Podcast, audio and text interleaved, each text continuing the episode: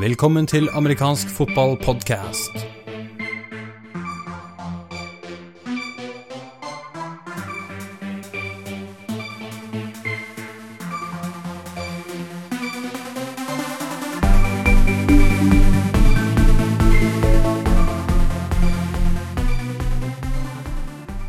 Velkommen til episode fire av amerikansk fotballpodkast. Mitt navn er Jarle Magnus Henriksen, og sammen med Patrick Hamnøy er jeg programleder for dagens sending.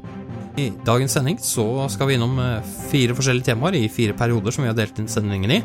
Hver periode er på ca. ti minutter. Første periode så snakker vi med Einar Bolstad om eh, regelendringer. I eh, andre periode så skal vi innom linjecampen og snakke med folk som var til stede på den. I tredje periode så er det damefotballen som står for uh, tur.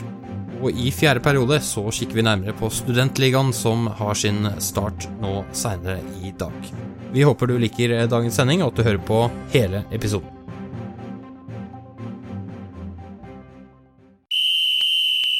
Da er vi klare for første periode av dagens sending.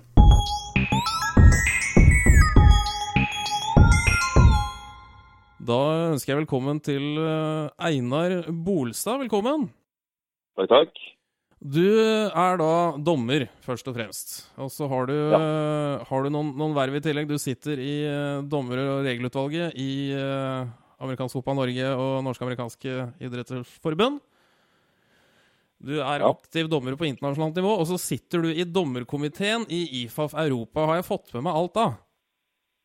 Du har fått med deg eh, de viktige hovedtrekkene, ja. Jo, det stemmer det. De viktige hovedtrekkene, så kan vi legge til eh, hvor mange års erfaring nå på nasjonalt og internasjonalt nivå? Eh, Jeg har dømt amerikansk fotball siden eh, 1992. Og dømt internasjonalt siden eh, 1998.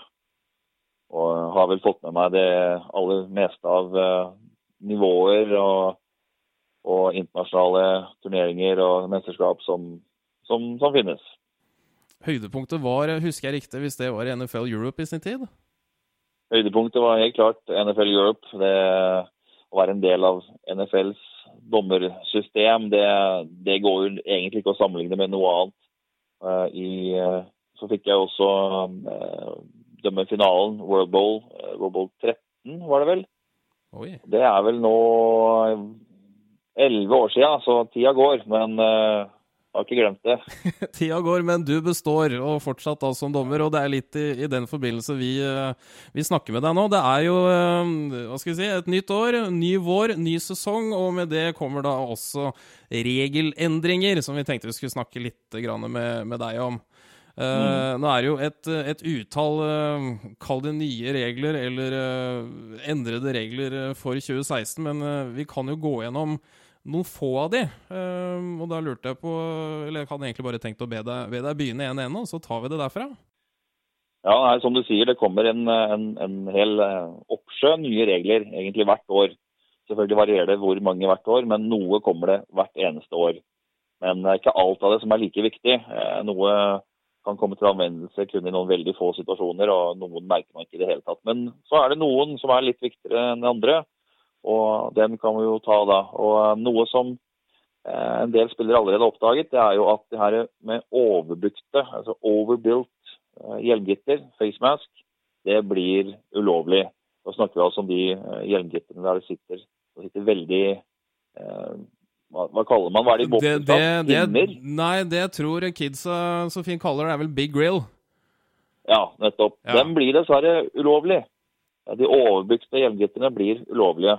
Ja, der har man Eh, også og kommet fram til at det var jo risiko pga. selve tyngden på gitteret var en, en risiko for spilleren.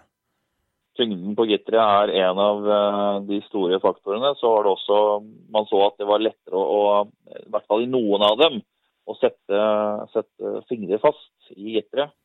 Og så så man også en tendens til at eh, Eller man i hvert fall var redd for at eh, når man føler seg mer beskytta bak, bak en, en big grill, som du kalte det, så kan det også være en fare. Eh, Hodet og hjelmen mer aktivt i taklinger. Og er det noe som vi skal bort fra i eh, moderne amerikansk fotball, så er det nettopp det. Og Så de tre tingene sammenlagt eh, har da gjort at eh, man har eh, sagt at de kan ikke brukes helt enkelt. Men da noterer vi oss det. altså Overbygde hjelmgitter, såkalt big reel, blir forbudt nå fra og med kommende sesong. Det blir de. Regelboken har du noen bilder på eksempler. Det er selvfølgelig umulig å ha, en, ha bilder på alle mulige, for det går jo tydeligvis også å få spesialbestilt egne, egne varianter. Eh, men i regelboka så har man noen, bilder som gir et eh, ganske god forståelse for hva som er lovlig, hva som er ulovlig. Og eh, DRU har aldri blitt, aldri blitt kontakta av flere spillere som, som, spør om det de har kjøpt er lovlig. Hittil har vi nok kunnet si nei på en del av dem, dessverre. Ja, sånn er det. Videre så Sånn er det. Det er en sikkerhetsregel, så da, da, da følger vi den. Da følger vi den. og Nå må jeg egentlig bare spørre, mens jeg fortsatt husker det, hvorfor så eksplisitt uh, forbud mot bruk av droner? Har det vært et stort problem? Nei, eh, men man vil jo forhindre at eh, bruk av droner blir et problem. Det har egentlig allerede vært et forbud mot, eh, mot kameraer over banen. Eh, men droner har man også spesifikt nevnt i regelboka at droner kan ikke benyttes over banen. og Det er jo helt ikke unngå at de detter ned i hodet på noen. Så eh, Dersom det er en drone, så stopper man kampen og fortsetter ikke kampen før den er fjerna. Enkelt og greit. Da noterer vi oss den. Hvilke andre regelendringer er det våre spillere og uh, trenere og supportere skal ta høyde for resten av kommende sesong? Ja, Vi snakket jo litt om uh, utstyr når det gjaldt uh, hjelmgitter. Også en liten endring hva vi gjør om noen har feilaktig utstyr av, av annen type, eller manglende utstyr. Uh, tidligere så trakk man en timeout fra det laget som hadde spillerne med feilaktig utstyr. Nå blir bare uh, spilleren sendt av banen, som han også ble tidligere, og kan da komme tilbake tidligst eh, etter et spill har blitt spilt. Han må stå over et spill. Man trekker ikke lenger en timeout, så der har man reglene blitt litt snillere mot, eh, mot laget. Men eh, fortsatt ut og ordne utstyr, det må man, eh, der er det ingen endring. Og man kan sette inn en annen eh, i det ene spillet han ikke får delta, ikke sant? Det kan man gjøre. Man har alltid lov å spille med, med fullt lag, uansett uh, grunnen til at man ikke har noen uh, At man da eventuelt mangler en spiller, har du alltid lov å sette på en uh, som, som, erstatter. Yes. Videre? Så har vært de siste åra på kontakt mot forsvarsløse spillere. Eh, da snakker vi i hovedsak kontakt eh, mot hode- og nakkeområdet på forsvarsløse spillere. Det er jo da vi snakker om targeting. Ja. Eh, og Der har vi en liten fortydeling fortydling i år. Det har jo vært tidligere sagt i reglene at en signed block, så kan du ikke treffe mot hode eller nakke. Da regnes det som targeting, medfører det automatisk utvisning. Og har man bare vært litt tydeligere og sagt at en blindside block er helt enkelt en blokkering der den som blir blokkert, åpenbart ikke ser at den blokkerende da har du en blindside-blokk. Så... Det betyr ikke at blindside-blokk er ulovlig, på ingen måte. De aller fleste eh, blindside-blokker man har gjort tidligere, kommer fortsatt til å være like lovlige, men man må sørge for at kontaktpunktet ikke er mot hode eller nakke i en sånn situasjon. Da, ja. blir, man, eh, da blir man utvist. Så det blir jo konsekvent i forhold til alle de andre regelendringene som har vært for å da beskytte øh, treff mot hodet, da, rett og slett. Ja, Um, man, men man hadde ikke definert hva en forsvars... Uh, en blindside, unnskyld. Man hadde ikke definert hva en blindside-block var. Og skal man skrive regler, så må man også definere hva man, hva man mener med ting. Man kan ikke ta for gitt at alle mener det samme. Det må være forklart i regelboka. Ja. Det hadde man ikke gjort med, med akkurat den termen blindside-block. Så det var litt, litt tydeligere. En, en, regel jeg hadde litt spørsmål på her, det var um, ballen er død dersom spillerne i området stopper å spille. Ja. Det er en regel som nesten aldri kommer til bruk. Eh, men det fantes egentlig ingen regel som kunne håndtere det eh, tidligere. Den klassiske situasjonen det er gjerne på sparkespill. Eh, da er veldig mange spillere usikre på hva som gjelder. Hvem kan plukke ballen, hvem kan løpe med den og ikke. Jo, takk. Det har resultert i noen situasjoner der noen står og har plukket opp ballen, men alle tror at ballen nå er død. Og egentlig er dommerne de eneste som vet at denne ballen er faktisk i spill. Og For å unngå eh, situasjoner der det kan bli eh, For å unngå den forvirringen eh, og kunne håndtere det at alle har sluttet å spille, så sier nå regelen at da blåser vi helt enkelt. Og Det fantes egentlig ingen regel som, som tok hånd om den situasjonen. Så det er jo en regel som vi sjelden kommer til å se. Men uh, nå er det regelstøtte for at vi bare stopper spillet. Da tror jeg også at uh, ganske mange U13-, 15- og 17-trenere kommer til å være veldig takknemlige for akkurat det, for det skjer titt og ofte. Nettopp, det gjør det. Og da er det greit at vi faktisk har noe uh, regel, og ikke bare dommerens skjønn. Dommer må gjette hva han skal gjøre. Nå har vi noe vi kan støtte oss på. Men Vi kommer nok ikke få se den så ofte i bruk, men det er et lite, et lite hull som blir tetta med den, den, regelen der. Da er det fortsatt en, en del andre regler. Hvis du skal trekke fram én eh, siste endring nå før eh, tida var ute, hvilken skulle det vært? Ja, Det er egentlig to, eh, to regler som bør trekkes frem. Eh, den, kanskje den, første hånd det er nå spesifikt nevnt at det å dra og dytte motstandere i en pile er usportslig oppkjøring. Man vil bort fra det her at folk går inn i piler og skal fjerne motstandere. Du får trekke dine egne spillere ut av en pile, ikke motstanderne. Eh, det er usportslig oppførsel, og som vi kanskje vet, to usportslig oppførsel i én kamp medfører automatisk utvisning. Eh, så det må man da holde seg unna. Ta dine egne spillere, hjelp dem opp om du vil. Resten får du la dommerne eh, ta hånd om. Ikke bland deg borti hva motstanderne Ikke dytt på dem eller trekk dem opp av en pile. La dem være. Det er kanskje også en regel som noen har sett har blitt iverksatt igjen i felles sesongen som har vært nå? Ja, den her kommer jo egentlig fra, fra adoptert fra, fra, college, men eh, NFL har jo så å si samme regelverket her. Mer eller mindre, i hvert fall. Ja. Og Den siste regelen jeg ønsker å, å fremheve, det er en, uh, en, innskjerping på å holde sidelinja ren under og rett etter uh, spillet. det er nå usportslig oppførsel, altså 15 års straff, om en dommer må forandre bane for å unngå å treffe en uh, trener eller en innbytter eller hva det måtte være, som er for nære sidelinja. Det skal jo være et tomt område på seks fot. Det er 1,83 meter, er det vel. Uh, og befinner man seg nærmere sidelinja enn 1,3 meter under spillet, og er i veien for dommer, uansett om det er fysisk kontakt eller ikke, så er det nå uten advarsel 15 yards. Eh, det er jo 15 sure yards som man jo veldig enkelt kan unngå å, å gi. Da, da, tror jeg, da, tror jeg, mange, mange trenere på sidelinjen for yngre lag gjerne vil si at ja, det der er veldig enkelt i teorien, men eh, jeg tror nok alle forstår hvorfor denne regelen har kommet.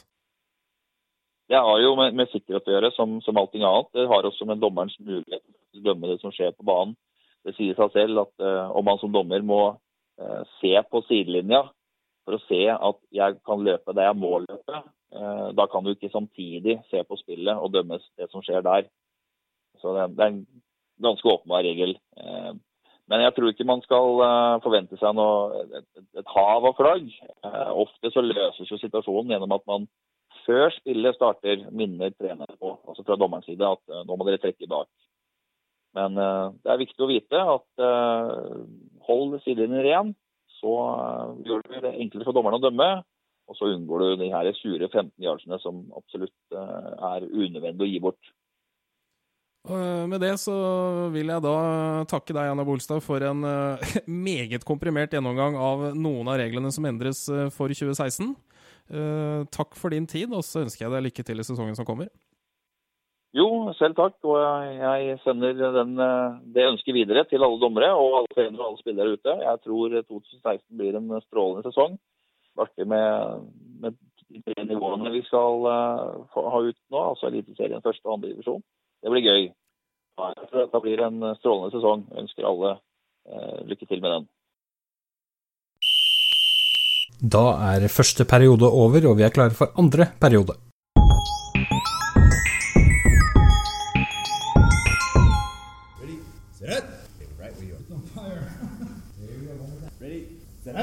square, elbows tight. Elbows tight, same mechanic. Set. Ready? Set up. See how your weight pulling you forward? Okay, so really just kind of sit back. This is what I mean by turning on your back. Turning on your back, and then eventually your stance will get a little bit wider. Here we go. Ready? Set up. Could be is when you drop. Okay, you can open up that back foot a little bit more. Yeah, just to get that stance, a little wider. When we're going backwards at 45 degrees, our foot, our foot relationship should be 45 degrees. Okay. Okay. Here we go. Again. Ready? Sit up. Show what your elbows did there. Yep. Chicken wing. We're not trying to fly. Looking better. Let's go back to the left now. 45 degrees. More of a bend. Get your back turned down. Hmm. Ready? Sit up. Ivan, you're not pushing with that front toe. Okay? You're, you're like stepping and dragging it. Okay? Pick up that heel like we talked about yesterday. Pick up that heel. Get yourself propelling backwards. Okay? Here we go. Ready? Sit up. That was better. Ready? Sit up. Propel. I helgen som eh, var, arrangerte vi i amerikansk fotball en eh, linjecamp, en eh, treningsleir for linje, hvor vi hadde med spillere fra både Rogaland og Vestfold. Det var åpent for alle til å delta, men det var også spillere fra de to fylkene som meldte seg på.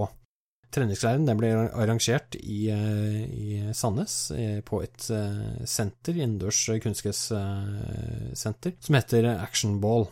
Der eh, var det instruktør Alex Durazo vi hadde med oss. Han er en del av Trenerhjelpen, som også er eh, tilgjengelig via websiden vår, eh, og hvor hvem som helst egentlig kan eh, leie inn eh, den typen ressurser. Når jeg sier leien, så betyr det at man avtaler eh, det som går på utgifter eh, og sånne ting, med den aktuelle treneren som man vil ha med seg. Når jeg sier utgifter, så mener jeg ikke nødvendigvis betaling til treneren, men jeg mener eh, å dekke reise og opphold og eh, mat underveis. Eh, Vi skal høre litt på hva en av deltakerne som var med, har å si om eh, opplegget, og hvordan han opplevde det å være med på linjecampen 2016. Jeg sitter her med Jon Andreas eh, Johnsen. Kan du fortelle litt hvem du er? Eh, ja, jeg spiller uh, offensiv linje for uh, Tønsberg Raiders. Eh, holdt på i Det her blir min syvende sesong. ja. ja. Nå er det sånn at du har vært med i helgen på en eh, linjecamp eh, for offensiv linje eh, med coach Alexander Durazo. Du har reist langt for å komme hit. Du er i Sandnes, av alle steder. Hva var det som gjorde at du valgte å komme, komme på linjekampen? Eh, først at jeg har lyst til å lære mer, og jeg vet at coach Alexander er kjempedyktig. Eh, men også fordi jeg syns det er viktig å ha sånne arrangementer for det her for, for linjespillerne. Det er veldig mye Jeg opplever at det er veldig mye quarterback og wide receiver-treningsleirer. Det er vel første gangen jeg har sett at det har vært en sånn offentlig event da, for linjespillere. Så det var veldig viktig for meg å være med for å måte, ja, oppleve det og, og bidra til at det kanskje blir arrangert igjen. Da. Nå eh, har vi vært gjennom eh, tre treninger, og linjekampen er eh, konkludert, den er ferdig. Hva har opplevelsen din vært? Er kjempegod. Jeg har lært masse, og jeg har fått eh, gode pointers på hva jeg må trene på. Og eh, ja, det har vært en, eh, vært en veldig god opplevelse. Kjempeålreite folk og Nei, helt fantastisk. Kjempefornøyd. Da vil vi takke for at du tok, tok tid til å snakke med oss, og så ønsker jeg deg lykke til i sesongen som kommer. Du skal spille for Tønsberg Raiders, andredivisjon. Yep. Blir det spennende? Hva tenker du om det? Ja, det blir gøy det. Vi har ambisjoner, eh, håper jeg, da, om å gjøre det ganske bra. Nå, vi klarte så vidt å kvalifisere oss til førstedivisjon i fjor. Så ja, nå er det muligheten til å kline til å prøve en gang til. Mm. Ok, Jon Andreas, eh, takk for samtalen. Bare hyggelig, bare hyggelig. Ja, det hørtes ut som han hadde en eh, god opplevelse. Nå eh, er det sånn at det kan bli en stund til det er neste linjecamp, men eh, vi satser på å arrangere flere av den typen arrangementer i løpet av 2016, men muligens da for andre grupper eh, eller segmenter av spillere. Blant annet damefotballen fotballen kan være aktuell. Og vi satser også på å dra med oss flere enn de åtte som var med denne gang. Nå skal det sies at eh, åtte var et helt eh, kurant antall for en eh, posisjonsgruppe i en sånn type treningsleir. Eh, Fra 8 til 16 hadde nok vært eh, helt eh, greit. Og så får vi se hvordan det blir framover. Du kan eh, lese mer om trenerhjelpen på eh, websiden vår, eller eh, under i shownotes på, på websiden. Hva skal vi si? Det var en eh, god opplevelse for de som var eh, med. Jeg tror at det er eh, mange som ble fristet til gjentakelse av eh, denne campen. Det var en positiv opplevelse å ha med oss eh, spillere fra flere deler av landet på denne treningsleiren. Eh, Det var en grei test for oss ved å kjøre den typen arrangement i et miniformat, åtte spillere. Selv om det er en grei mengde på en posisjon, så er det ikke all verdens kontra en større leir med mange posisjoner og kanskje opptil 16 per posisjon osv. Det er nok noe vi kommer til å kikke på etter hvert, men eh, du må også huske på at du som del av en klubb, eller del av en vending for den saks skyld, har full mulighet til selv å hente inn trenerkrefter, f.eks. via Trenerhjelpen, som er på websiden vår. Og informasjon om den finner du på amfotball.com. Det samme gjør du om arrangementer som var i helgen, hvor vi har skrevet en del både før og etter treningsleiren. Andre periode er over, vi er klare for tredje periode.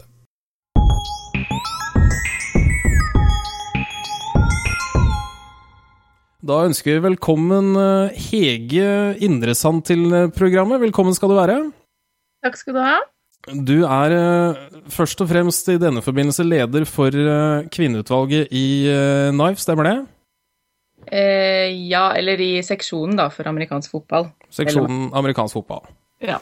Du er i tillegg hovedtrener for Gladiators damelag. Det er jeg. Og så har du vært trener da for U17 og U19-laget til eh, Gladiators. Men du har også i tillegg vært eh, spiller i USA. Kan ikke du fortelle litt om det? Eh, jo, jeg har jo bodd i California i 15 år. Jeg har tatt all utdannelsen min der. Og så jobba veldig mye innenfor sport. Siden ikke de hadde håndball, da, så måtte jeg spille litt fotball og var veldig mye på amerikansk fotballaget eh, eh og jobba som studentjobben min. Og så fikk jeg etter hvert uh, greie på at uh, Selvfølgelig da de siste to åra mine i USA fikk jeg greie på at jenter kunne spille. Um, for jeg har alltid bare spilt flagg og sånne ting. Jeg syns jo amerikansk fotball har vært kjempegøy og, og interessant og, og, sånne ting. Men så fikk jeg nyss om det, og det, da var det et lag som har faktisk holdt på i ti år, ti minutter bortafor meg da, i der jeg bodde. Uh, så jeg kunne jo ha spilt i ti år. Eh, men eh, jeg fikk nå kommet meg inn på, på, dette laget, Sacramento Sirens, og spilte der i to år. Og det var en kjempeopplevelse. Og endte jo med Nå kan jeg snakke om det endelig, men uh, endte med uh, mest, uh, nasjonal, nasjonalt mesterskap-kamp i 2012. Som vi tapte med ett poeng, 27-28, tror jeg, på en eh, lik på et, eh, på et PAT, da. Å, den er sur, den. Så det har tatt litt tid å, å, komme over akkurat det. Men det var en fantastisk opplevelse å få gå, å gå så langt som til et sluttspill i, i, USA. Det, det, vokser man på som, som en uh, utøver. Det tror jeg på, og det er vel kanskje litt av uh, hva skal jeg si, den opplevelsen du har eh, ønsket å, å, ta med deg og viderebringe over det norske folk. Du har jo vært, kan vi jo si i hvert fall nå de siste årene, primus motor for damefotballen i Norge. Og damefotballen i Norge, for de som ikke vet det, de gjennomførte da sitt første ordentlige seriespill i fjor, i 2015. Hvor mange lag var det som deltok i fjor? Det var fire lag. Fire lag deltok i 2015. Hvordan ser det ut for 2016? Jeg tror det er eh, Jeg tror nok det blir ganske likt. Eh, jeg vet at det er eh, Det var jo da Trolls og Haugesund og Fredrikstad og Gladiators som, som spilte i serien. Det var aktivitet i Lillestrøm, men de trakk seg ut. Og jeg tror ikke det er så mye som skjer der nå. Jeg har i hvert fall ikke hørt så mye derfra. Og, men vi har nå litt morsom aktivitet i Tromsø.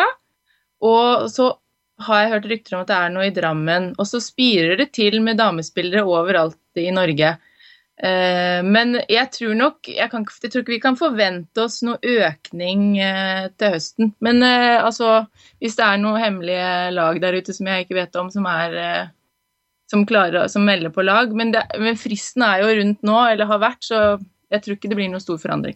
Så da forventer vi ca. samme antall lag for 2016, og så får vi vel håpe på at vi kanskje får inn ett til to lag til da for 2017. Ja, det hadde vært positivt. Men uh, nå er jo da damene mellom sesonger, uh, i motsetning til herrene, hvor uh, omtrent de fleste aldersgrupper har tilgang til seriespill nå, nå, på vårparten, så er det da en skal vi si, ganske fullstendig offseason for damene. Hva er det som mm. skjer nå under offseason?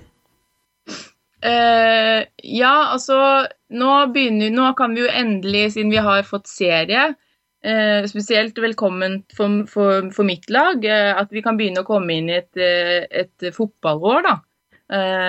sånn at akkurat nå så driver jentene mine De har testa de har testa seg i styrkeløft, og så har de et vanlig fotballstyrkeprogram som går på tre-fire måneder nå. Så det er vanlig offseason for oss. Men så har vi også veldig heldig i at eh, damene har tilbud på våren i et par artige treningsleirer. Blant annet eh, i USA så er det eh, Women's World Football Games. Og det er jo i år eh, Det er tredje året det arrangeres. Det har vært en stor del av utviklingen av spillere i Norge og Europa, for den saks skyld.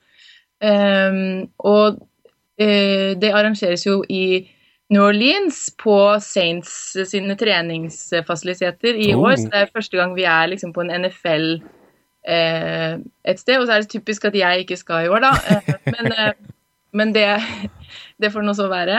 Eh, eh, så det er jo en veldig gøy ting som skjer. Eh, jeg merker spesielt at i Gladiators så har vi vært veldig sterke på denne campen eh, i to år, så nå er vi liksom litt sånn OK, nå er vi i offseason og kjenner på den derre offseason-basillen, som jeg kaller den. Mm. Eh, så nå er det ikke så mange av oss som skal i år da på dette.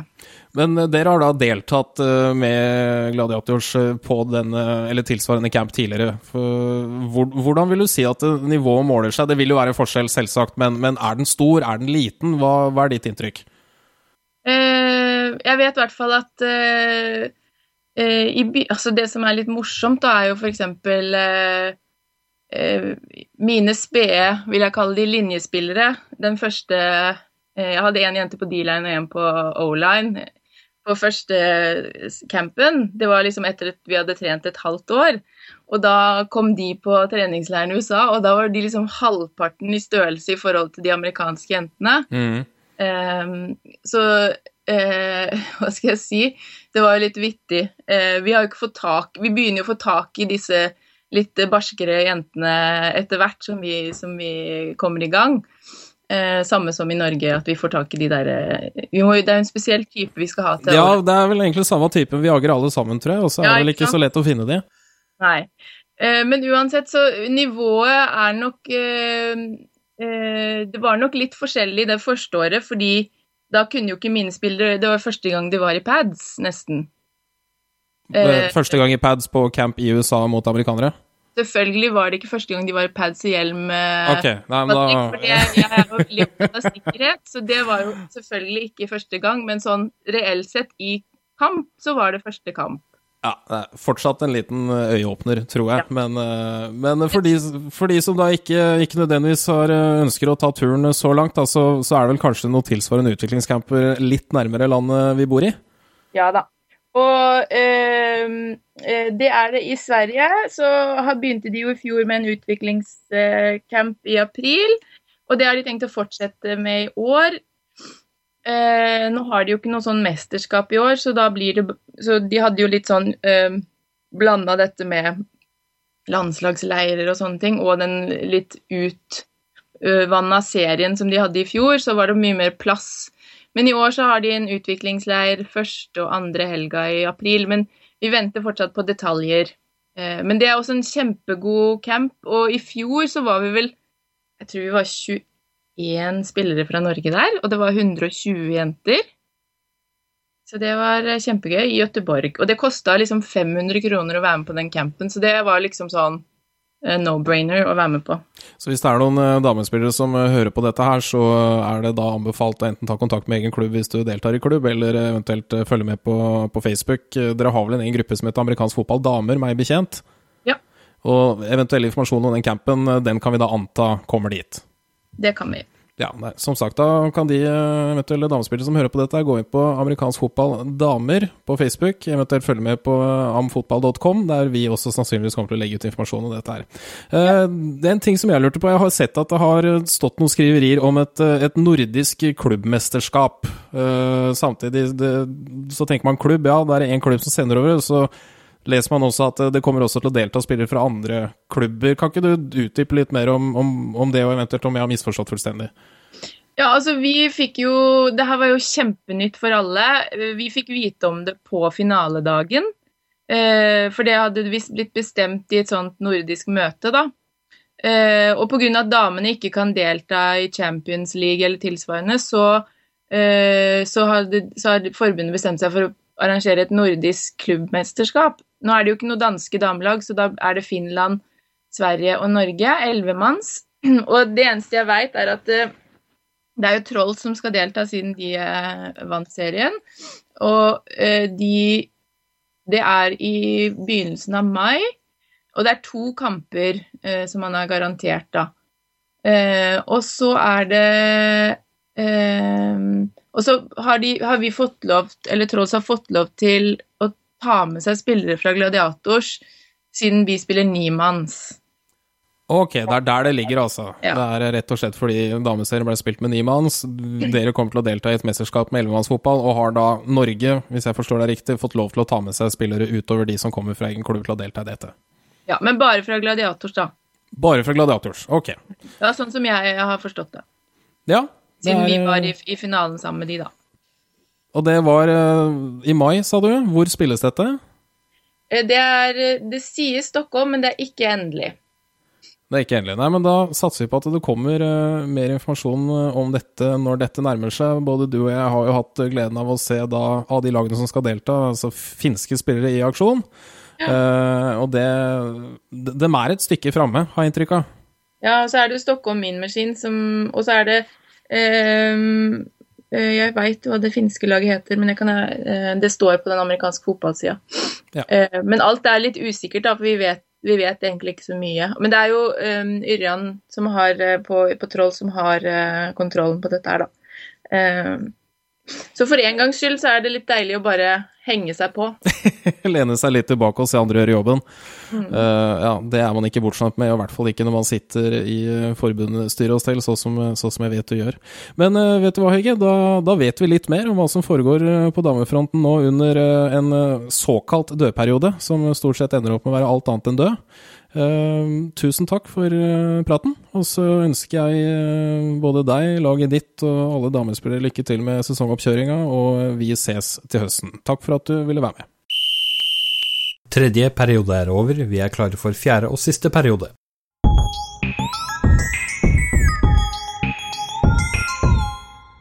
Jeg sitter her sammen med Edvin Jensen. Velkommen til oss, Edvin. Takk for det.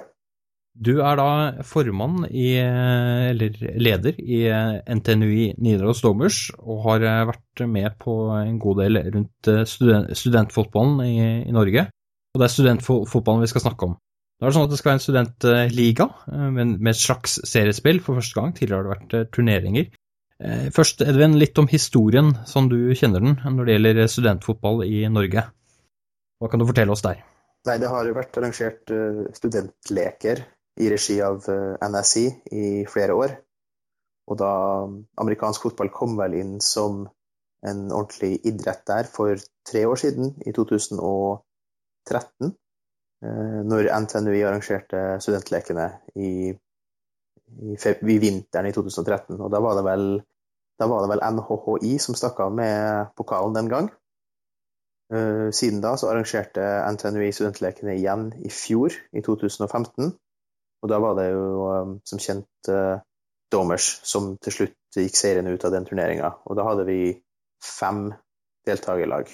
Ja, og da, det er fem deltakerlag som var med i den turneringen. I år så er det altså et seriespill, og det er tre lag som er med. Det er da BI Cleavers, NHHI, som du snakket om, fra Bergen. Og så er det Weezy Team Hightech, som da er eh, fra Stavanger. Eh, Domers er ikke med der. Kan du fortelle litt eh, bakgrunnen til, eh, til det? Ja, vi i Dommers vi valgte å stille lag i eh, studentlekene i fjor, i februar i 2015. Og vi pådro oss en del eh, småskader, men vi pådro oss også to uh, langtidsskader på to startere til eliteserielaget vårt. Og det gjorde at eh, Christian Bjørnsen og Øyvind Rein mista sesongåpninga for, uh, i Eliteserien fordi at de hadde blitt skada i løpet av den studentturneringa. Og da har vi vurdert det som ikke hensiktsmessig å utsette spillere for så mye slitasje og skader som det er å spille kamphelger. Og spesielt ikke med tanke på at det sluttspillet skal gå veldig tett opp imot seriestart. Ja, så det blir litt uh, timingspørsmål der, og så blir det jo prioritering. Eh, det forteller vel litt også om at eh, kanskje nivået og det man eh, treffer på i f.eks. Eliteserien eller norsk, vanlig norsk seriespill er høyere enn det du har i studentligaen. Er det en riktig konklusjon, eller hva, hva opplever du at er nivået på studentfotballen? Ja, jeg vil jo absolutt si at nivået er høyere i eh, de nasjonale seriene, spesielt Eliteserien, eh, ikke uventa, og også førstedivisjon.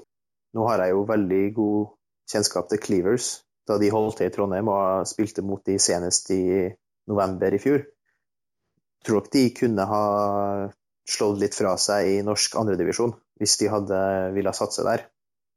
Ut ifra det jeg så fra Hightech og NHH for et år siden, den versjonen av lagene hadde nok ikke, ikke kunne ha gjort det så bra i andredivisjon. Men Cleavers har vokst veldig mye på ja, siden studentlekene februar 2015 fram til uh, høsten. Så det kan jo hende at Hightech og uh, eh, NHHI har tatt de riktige stegene den veien også. Men uh, man kan si det andredivisjon minus, kanskje. Nå er det sånn at det får vi et visst svar på allerede i kveld og i morgen, altså fredag og lørdag. Eh, for da er vi i gang med seriespill. Eh, det foregår i Stavanger, og så er det et sluttspill. Og hvis jeg ikke husker helt feil, det kan jo du korrigere meg på, så er det i Trondheim? Ja, sluttspillet foregår i april i, i Trondheim. Det blir jo Amerikansk fotball gjør seg jo ikke som turneringsidrett på samme måte som vanlig fotball eller innebandy gjør, men det er jo vanskelig å arrangere flere kamper på en helg uten at det blir litt, litt lite pause på folk. Ja, Hvilke andre tilpasninger blir gjort da? Jeg har forstått at det er ikke snakk om eh, vanlige kamper, sånn som vi er vant til det fra f.eks. Eh, senior seriespill. De, de spiller jo med U15-regler. Det vil si at de har fjerna alt av kickoff og punt. Og så spiller de seks minutters quarter, så kampene går på 1 time og 15 til 1 time og 40 ca. Så det er litt reduksjon der, da. Og ved å fjerne kickoff og punt, så har man også fjerna de spillene der det er veldig lett for ferske spillere å pådra seg skader. Der det er størst hastighet i kollisjonene. Ja, så begrenset eh, spilletid, begrenset eh, litt i forhold til hvor røft det er, fordi special teams er til dels satt ut. Og så er det nimannsfotball, så det er litt færre det er krav til å ha på, på banen om gangen. Ja, og da blir det jo lettere å stille en roster med, der man kan bytte litt oftere for å gi folk pause når det er behov for det. Så det er jo uh, på alle mulige måter et veldig fint tiltak for å skape bredde i fotballen. Hva, hva tenker du om fremtiden til studentfotballen? Jeg tror jo at det på tide at man har fått i gang et initiativ der det er mer nasjonalt enn en lokalt. Vi har jo hatt uh, mye studentdeltakelse i DFL i Trondheim. Vi har hatt uh, Bergen Challenge på Vestlandet. Men jeg tror at på lang sikt så kan en nasjonal studentliga være med å skape større interesse for idretten. Og så kan det jo være et inngangssteg da, for, for, folk som vil spille fotball. Og hvis de finner ut at de har talent, og, og de, det her er noe de syns er morsomt å holde på med, så kan jo de ta steget videre til en av de større klubbene etter hvert. Det skal bli spennende å se. I USA så er det sånn at collegefotballen er gigantisk, mens eh, klubbfotballen er noe helt annet og minimalistisk. Eh, og ser vi på Storbritannia, så er det en stor og voksende collegeliga som er godt organisert, mens klubbfotballen kanskje står litt i stampe. I resten av Europa så er det kanskje mer klubbfotballen som er i fokus, sånn som det er her hjemme hos oss. Eh, nå er det også sånn, Edvin, at eh, vi har skrevet en del artikler om eh, studentfotballen i uka som har gått, eller dagene som har gått. Og det kommer en artikkel med spådommer rundt den helgen som vi går inn i, litt seinere i dag. Og der har du også bidratt. Litt tips som du kan gi rundt hva du, hva du ser for deg når det gjelder lagene? Uten å avsløre altfor mye om hva jeg ville satt pengene mine på i turneringa, så jeg tror nok at alle tre lagene er bedre enn de utgavene man så for et år siden. Eh, jeg vet at eh, Cleavers har blitt mye bedre, og sist gang så var det jo NHI som var det sterkeste laget av de tre. Ganske, ganske overlegne i studentlekene i 2015. Hightech er ganske ferske, men eh, de har vel fått inn kanskje den beste spilleren i studentligaen, i Erik Baden, sånn som jeg har forstått det. Det, det kan jo være det som skal til for at de, eh, de hever seg som et lag også. Men jeg tror, jeg tror jo at det blir relativt jevne kamper. For det er ikke, det er ikke mye som skiller de lagene i utgangspunktet. Og det er, det er nimannsfotball. Der er det små feil kan ha store utslag på banen. Det skal bli spennende å se. Vi kommer til å følge Studentligaen utover, og eh, blant annet eh, satser vi på å være til stede underveis eh, på deler av arrangementet i helgen, og også rapportere resultatene etter hvert som de kommer inn. Edvin, tusen takk for at du var med oss og ga noen gode innspill på hva vi kan forvente av studentfotballen i år. Ingen problem.